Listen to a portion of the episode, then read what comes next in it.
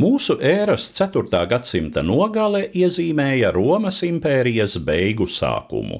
Pēc apmēram simts gadus ilga procesa valsts galīgi sadalījās austrumu un rietumu daļās, un kamēr austrumu Romas imperatoriem izdevās stabilizēt savu varas sfēru, rietumu Roma pamazām bruka barbaru cilšu sirojumu un migrācijas irdināta.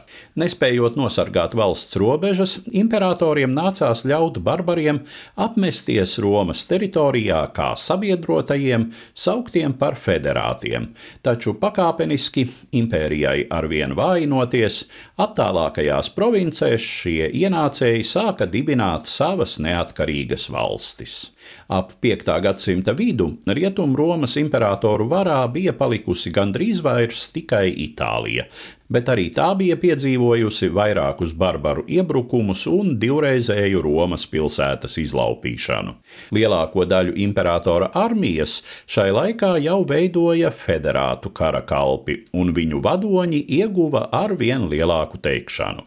475. gadā viens no armijas komandieriem, Pannonijas provincē dzimušais romiešu aristokrāts Orests, gāza no troņa iepriekšējo Rietumromas imperatoru Jūliju Nepu un panāca sava pusaugu dēla Romula Augusta kāpšanu tronī. Faktiskā vāra, protams, bija Oresta rokās. Šī uzkundzēšanās nebija paprātam citam vadonim, Odoakram, kurš nāca no ģermāņu vidus. Viņa pusē pārgāja lielākā daļa armijas, Orests tika sagūstīts un nogalināts, un mūsu ēras 476. gada 23. augustā Itālijā dzīvojošo federātu cilšu Skiru un Herulu vīri, kā arī lielākā daļa romiešu karaspēka pasludināja Odoakru par savu ķēniņu. Līdz ar Odoakru aizsākās Itālijas karaļvalsts vēsture, lai gan viņš pats nevalkāja Itālijas karaļa titulu. Pēc Oresta nogalināšanas viņa 16-gadīgais dēls Romuls Augusts atteicās no imperatora troņa, un Odoakrs viņam saglabāja dzīvību, izsūtīdams uz villu Itālijas dienvidos. Bet arī viņš pats nesteidzās sēsties imperatora tronī, tā vietā pamudinot Rietumromas senātu aicināt Austrumromas imperatoru Zenonu apvienot abas valsts daļas savā varā, pats kļūstot par Zenona vietvaldi Itālijā. Līdz ar to 476. gadā Rietumromas impērija beidza pastāvēt. Odoakrs, kā liecina chronisti, bijis prasmīgs un sava laika standartiem arī visai humāns valdnieks, taču tajā satricinājumiem bagātajā laikmetā neviens īsti nevarēja būt drošs par savu varu.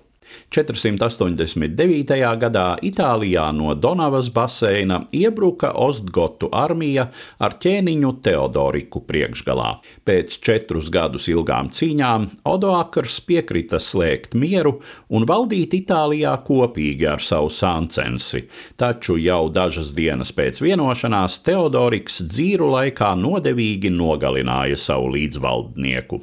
Vestgotu vadonis arī formāli atzina Austrumromas imperatora virsvaru, valdīdams pār Romas pilsoņiem kā imperatora vietvaldis, bet pār saviem ostgotiem un citiem federātiem kā viņu ķēniņš. Turpmākajos gadsimtos Itālija vairāk kārt mainīja savu pakļautību, nonākdama gan Franku impērijas, gan Svētās Romas impērijas varā, bet visi šo impēriju monarhi valkāja arī Itālijas karaļu titulu. Pēdējais šai virknē bija Svētās Romas impērijas ķeizars Kārlis V. Habsburgs 16. gadsimtā. Pēc tam tituls uz vairākiem gadsimtiem pazuda no aprites, līdz 19. gadsimta sākumā to piesavinājās Napoleons Bonaparts, bet pusgadsimtu vēlāk ieguva pirmais apvienotās Itālijas karalis Viktors Emanuels no Savojas dinastijas. Viņa pēcteči valdīja Itālijā līdz 1946. gadam, kad tā pārtapa par republiku. Stāstīja Eduards Liniņš.